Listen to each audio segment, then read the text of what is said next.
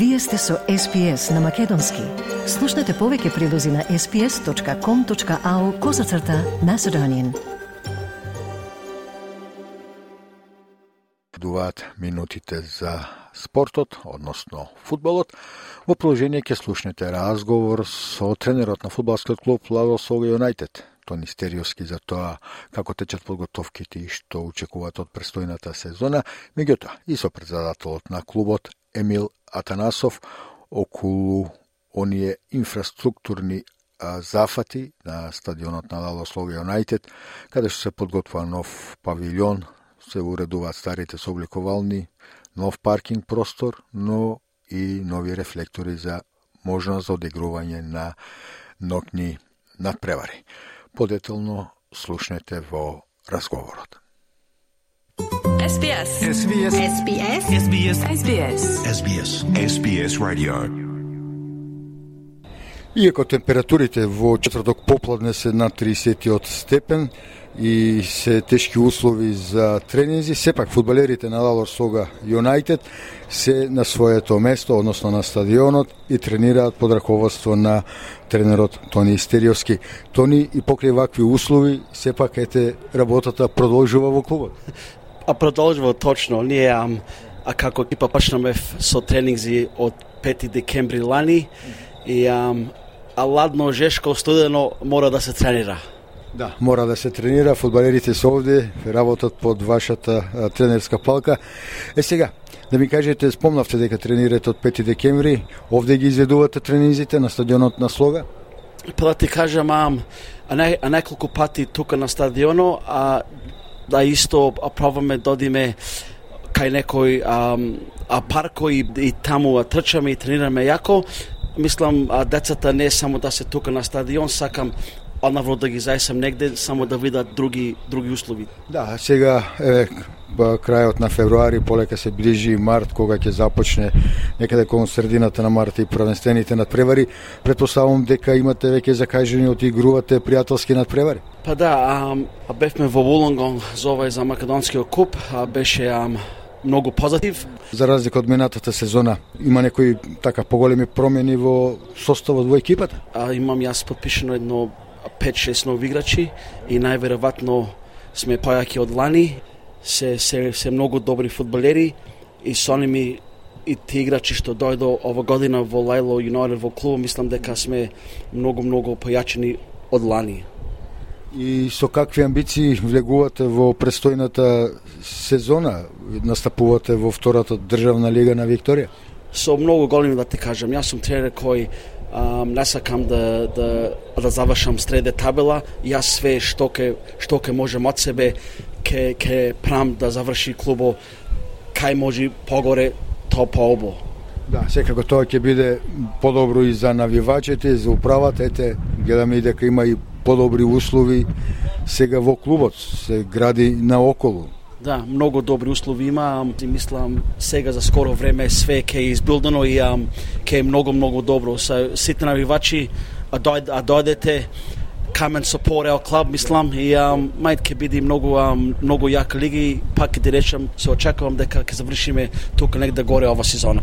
Ете го слушаме разговорот со тренерот на првата екипа на Лалор Слога Юнайтед, Тони Стериоски, а во продолжение ќе поразговараме и со председателот на фудбалскиот клуб Лалор Слога Юнайтед, господинот Емил Атанасов.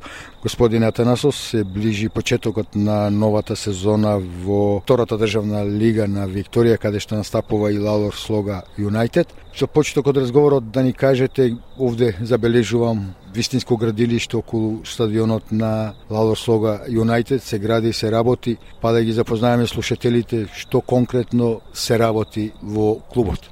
Благодарам на прашањето. Имаме може 6,5 милиони вредност државата што има вложено овде. Имаме социјален клуб што требаше да биде готово во јануар, ама сега во април ќе ни биде предаен.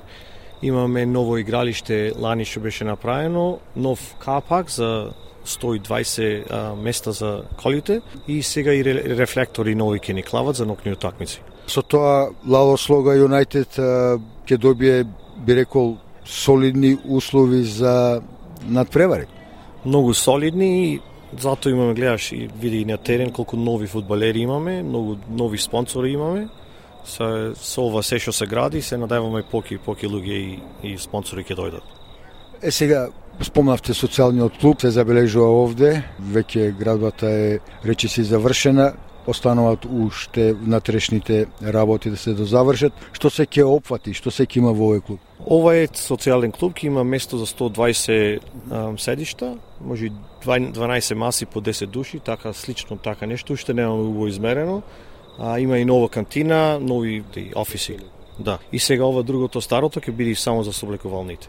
Исто така помнавте дека се работи на работи на паркинг просторот, но она што е поинтересно и поставување нови рефлектори, нови светла, дали тоа значи дека во иднина ќе играте и ноќни надпревари? Да, ќе се игра ова сезона, ќе покушаме две-три утакмици да играме ноќни во петок. Престон Македонија обично игра во во петок, ама ќе играме не тие кои ќе играат obviously, а ќе играме другата недела. Да, сепак тоа ќе биде координација за да. бидејќи некои навивачи сака да го следат и Престон Македонија, Много некои добро. сакаат и овде, значи добро да постои таа соработка и меѓу клубовите. Да, со Дајв Цветковски и цела управа добро соработуваме, со секако е сиграно друго друго друго време. Е сега овие големи инвестиции овде во клубот Предпоставам дека се со помош од општината, од Кенсел. Од општината и од а, државата на Викторија. Скоро 70% е од општината, 30% од а, државата, државата на Викторија. Значи одлична соработка со државните власти овде во Викторија и со општината. Клубот добива нови простори. Е сега, за крај од разговорот, како стои клубот финансиски, со спонзори за новата сезона, дали сето тоа е средено или се е средено, скоро средено е се, ама секогаш сакаме други спонсори ако може да дојме по по по нагоре. Какви ви се амбициите како управа какви цели си поставивте пред почетокот на новата сезона? Се тренерот што има побарано, се му е дајно, сега се ќе видиме се на терен како ќе биде. Ама како што оди работата, мислам ќе имаме појака екипа од лани. Господин Атанасов, среќа во новата сезона, се разбира со новите клубски простори, нов паркинг, нови светла. Благодарам. Поздрав до тебе и вашите слушатели. Своето задоволство до она што се гради и работи на терените на фудбалскиот клуб Лаво Слога Юнайтед него крија и неколку верни навивачи. Со новите зафати, тие се надеваат дека ќе имаат подобри услови за следење на надпреварите, за собирање, дружење, но и дека тоа значи дека ќе се привлечат и поголем број на навивачи на надпреварите на фудбалскиот клуб Лавр Слога Юнайтед. Па се надеваме дека клабот ќе биде готов пред да почне првенството и мислам дека клабот ќе биде готов и ние овде сме едни сопорти. Јас сум овде 40 години во Клаво, верен навијач и мислам да придобиме уште појќе навијачи. Овој клуб за нас ни важи многу, ќе има кај да собираме, да да славиме победи, да порази и сите работи.